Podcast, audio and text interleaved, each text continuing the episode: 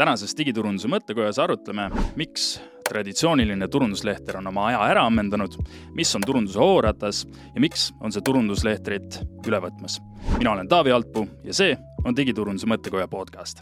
mu Liveri visioon on, et tarbijad teeksid tänu digiturundusele teadliku, mitte manipuleeritud ostuotsuse. see tähendab, et ettevõtetel on vaja tuua siis tarbijatele informatsioon silmade kõrgusele tarbija peab olema alati sisuloome ja kogu digiturunduse keskpunktis, ehk siis talle on loodud kõik sõnumid, sisu, mis aitab tal siis otsustusprotsessis äh, edasi liikuda ja tema elu lihtsamaks teha. selline lähenemine aitab ettevõtetel muutuda oma lõpptarbijate seas ihaldusväärseks ja ka arusaadavaks. just arusaadavuse punkt on täna see, mis äh, tihtipeale jääb ettevõtetel äh, taipamata, ehk nad panevad kogu aeg enda sõnumeid äh, siis digiturunduslikel äh, kana-, kanalitel välja ja lõppkokkuvõttes tarbijad ei saa neist aru, sest et need sõnumid on varieeruvad, iga nädal need muutuvad ja mingisugust äh, konstantset arusaadavust selle kohta, mida ettevõte enda kohta välja tahab öelda, ei ole. kui me mõtleme kas või ise tarbijana, et kuidas me tahame sisu tarbida ja, ja kuidas me tahame ostuotsuseni jõuda, siis äh, me tarbijatena eeldame, et äh, kõik oleks arusaadav ja et see taipamine, et ma soovin seda toodet või teenust osta, oleks lihtne ja arusaadav. et äh, ma ei pea hakkama ise leiutama mingeid pusletükke kokku panema selleks, et lõpuks selle ostuotsuseni jõuda. kahjuks täna need ettevõtted B2B sektoris nii tegutsevad. ehk meie ülesanne digiturundajatena ongi panna kokku selline narratiiv, selline sisuloomeprotsess, mis aitaks teie sõnumeid võimalikult efektiivselt edastada. tarbija eeldab, et äh, kogemus taipamiseni oleks tema jaoks tehtud võimalikult mugavaks ja arusaadavaks. see tähendab, et tema soovide ja vajadustega oleks äh, arvestatud. ehk sõnumid peavad olema sellised, mis aitaksid kliendil reaalselt ka taibata, miks tal seda lahendust vaja on ja kuidas selle lahendusega tema elu paremaks muutub. siinkohal ma toon välja näiteks äh, jobs to be done teooria, mille nii-öelda mudeli lahti selgitamisel sa saad äh, paremini aru sellest, millist lõpptulemit klient tegelikult sinu tootest või teenusest soovib. Theodor Levitt on öelnud, äh, kunagine Harvardi professor, selle kohta nii, et klient ei taha seitsme millimeetrist puuri, ta tahab seina seitsmemillimeetrist auku. ja kui siit edasi mõtlema hakata, siis tegelikult äh, soovib ta võib-olla selle Indoneesia palmisaare perepilti sinna ähm, seina peale, ehk siis tal ei ole tegelikult vaja seda funktsionaalset aspekti sellest seitsmemillimeetrisest puurist, vaid seda emotsionaalset aspekti, et see perepilt sinna seina peale saada. ja kui ettevõtted suudavad mõista siis lõpptarbija soove ja tema mõtteid, kuidas siis selle lõpptulemuseni jõuda, siis muutub kogu ettevõtte kommunikatsioon oluliselt äh, selgemaks ja arusaadavamaks. niimoodi turundusele lähenedes muutuvad ettevõtted oluliselt kliendikesksemaks. ehk siis tähtis ei ole võimalikult suure suuga pasundada turule oma sõnumeid ja öelda, et me oleme kõige paremad, me oleme kõige suuremad, me oleme kõige edukamad, vaid me peame lähenema kommunikatsioonis ikkagi kliendist, lõpptarbijast, kellele me neid lahendusi pakume. inimesi suunavad tegudele emotsioonid. ehk kui sa tahad, et ta otsustaks sinu toote või teenuse kasuks, siis sa pead talle näitama ka seda emotsionaalset väärtust. ei piisa ainult sellest, et sa tood välja funktsionaalseid parameetreid oma toote või teenuse kohta. too esile reaalselt tajutavat väärtust, mida klient selle toote või teenuse tarbimisel saab. kas teadsid, et ainult viis protsenti inimestest otsivad turul aktiivset lahendust oma probleemile?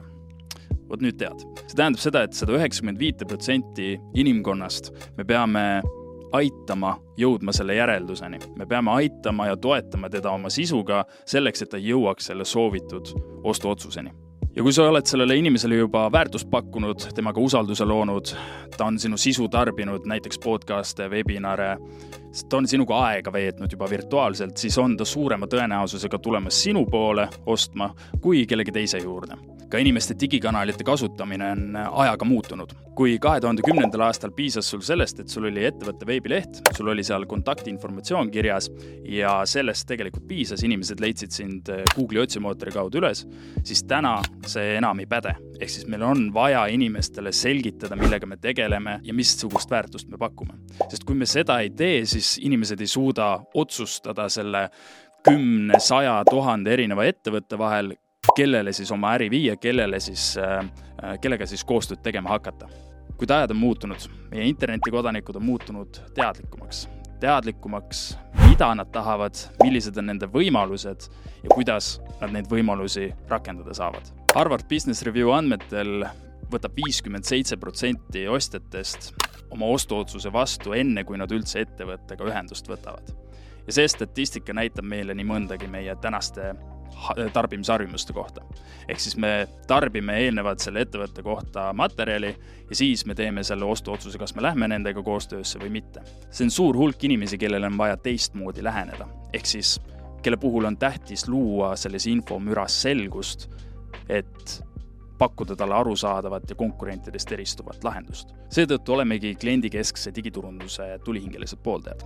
ehk siis me paneme ise ennast tarbija sussidesse ja me vaatame läbi tarbija vaatevinkli sellele, kuidas nii-öelda B2B turundus toimib. Pole kahtlustki, et traditsiooniline turunduslehter on iga ettevõtja, müügijuhi või turundusjuhi silme eest kunagi läbi käinud. põhjus, miks seda kasutati, oli see, et äh, tarbijad kasutasid siis info kogumisel ettevõtte kohta just ettevõtte veebilehte ja nad võtsid koheselt ühendust veebilehel oleva telefoninumbriga või saatsid siis juba konkreetselt kontaktipäringu. klient ei ole siinkohal keskpunktis, ta on lihtsalt üks äh, ullike, kes äh, suunatakse läbi selle turunduslehtri ja ta külvatakse lihtsalt selle infoga üle, mida ettevõte talle ette sööta tahab. siinjuures muidugi see info ületulv ei ole kooskõlas info kvaliteediga, ehk siis rõhutakse sellele kogusele, mida rohkem infot me talle välja saame anda, seda parem, seda tõenäolisemalt ta lõpuks meie käest ostab. samas ei proovita mõista seda, millist lahendust ta tegelikult otsib ja millist tööd ta sinu toodet või teenust tegelikult teostama soovib tellida. selle asemel keskendutakse viimastele pakkumistele, soodushindadele või ära jää ilma sellest pakkumisest, mis meil täna sulle ette tuua on. ühtlasi viib turunduslehtri kasutamine turundajaid eksiteele, sellepärast et nad hakkavad optimeerima meiliaadresside kogumisele. ehk mida rohkem meiliaadresse me saame, seda parem, kvaliteet enam ei loe ja needsamad meiliaadressid suunatakse siis müügiinimestele edasi, kes vangutavad pead ja mõtlevad, et miks nad ei müü, miks nad ei saavuta neid tulemusi, mida juhtkond neilt ootab. põhjus on lihtne. Need meiliaadressid, need ei ole kvaliteetsed ja nende puhul ei ole tegelikult registreeritud seda lõplikku huvi. sellepärast, et need meiliaadressid, mis kätte saadakse, on kätte saadud äh, mõjusate tehnikate puhul, mis, äh, mida kasutatakse näiteks pop-up'ide või äärmisel juhul ka kampaaniamängude puhul, et inimeselt kiirelt see meiliaadress kätte saada. kui klassikaline turunduslehter on katki, siis mida selle asemel kasutada? turunduse hooratast.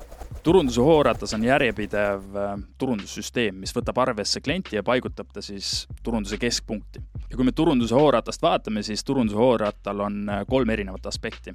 selleks on turundus, müük ja teenindus turunduse puhul on vaja siis kõigepealt see teadlikkus tekitada kliendile, lõplik nii-öelda arusaamine, et tal on seda toodet vaja, siis tuleb müük, kellele siis äh, nii-öelda kontakt suunatakse, kes, äh, kes, kes siis aitab selle müügi ära konverteerida. Ja kolmanda aspektina teenindus, mis tegelikult annab selle lõpliku positiivse kogemuse äh, kliendile. selleks on siis klienditeenindus, selleks võib olla mõne manuaali siis loomine, mis aitab kliendil elu oluliselt lihtsamaks teha, võtame näiteks IKEA, kes mööbli pakkumisel siis lõpuks annab ka manuaali, mille kaudu sa saad selle kokku panna, kas siis perega koos või üksi nikerdades. ehk siis turunduse hooratas võtab arvesse ka teenindust, mis aitab seda tajutavat väärtust meie ettevõtte kohta paremini ähm, silme ette manada ja läbi selle ähm, kui me vaatame seda hooratast tervikuna, äh, see ei ole selline ühesuunaline liiklus, see on järjepidev nii-öelda mm, igiliikur, mis äh, kogu aeg liigub.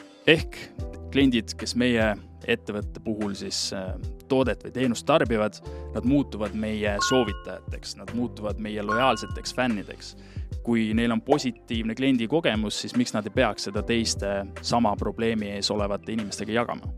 absoluutselt, nad teevad seda ja siinkohal ongi vaja seda toetavat elementi ja see toetav element tuleb nii turunduse, müügi kui ka teeninduse poolelt nagu te teate, siis B2B sektoris on nõudluse loomine võrdlemisi keeruline. sul on raske seda turundust teha, sul on raske see klient saada sellest taipamisest kuni lõpliku ostuotsuseni ja see tihtipeale võibki aega võtta sul mitu aastat. kasutades turunduse hooratast saad sa seda protsessi lühendada, sellepärast et klient on pidevalt sinu infoväljas, ta teab täpselt, millega sa tegeled, ta teab, kes on sinu kliendid, millist väärtust sa neile pakkunud oled ja millist reaalset tulemust sa tekitanud oled. selle alusel on kliendil oluliselt lihtsam teha lõplik otsus sinu kasuks Hooratas aitab soovitusi ja top of mind positsiooni sinu kliendi peas tekitada. see aga võimaldab pikas perspektiivis ettevõttel läbi klientide kasvada ja muuta nad oma äri kõige efektiivsemateks müügiinimesteks. maailm meie ümber on muutunud, aeg on B2B sektoris turunduse poole pealt oma mõtteviisi muuta. ehk e-posti aadressite kogumise asemel on vaja keskenduda kliendile ja tema harimisele turunduse hooratale ümberlülitamine aitab meil keskenduda kliendile, mitte sellele turundussüsteemile, mis aitab meil mugavalt seal turundusosakonnas töötada. lisaks turundusele ja müügile muutub üha tähtsamaks ka teenindus. peame sellele turunduskommunikatsioonis rõhku pöörama enne seda, kui klient meie käest midagi soetab. turunduse hooratas muudab sinu lojaalsed kliendid äh, kõige paremateks müügiinimesteks, sest nad soovitavad ja kiidavad sind ka nendele inimestele, kellel on sarnane probleem. Mina olen Taavi Alpuu ja see oli järjekordne digiturunduse mõttekoja podcast kohtumiseni järgmises osas. Like cherry on top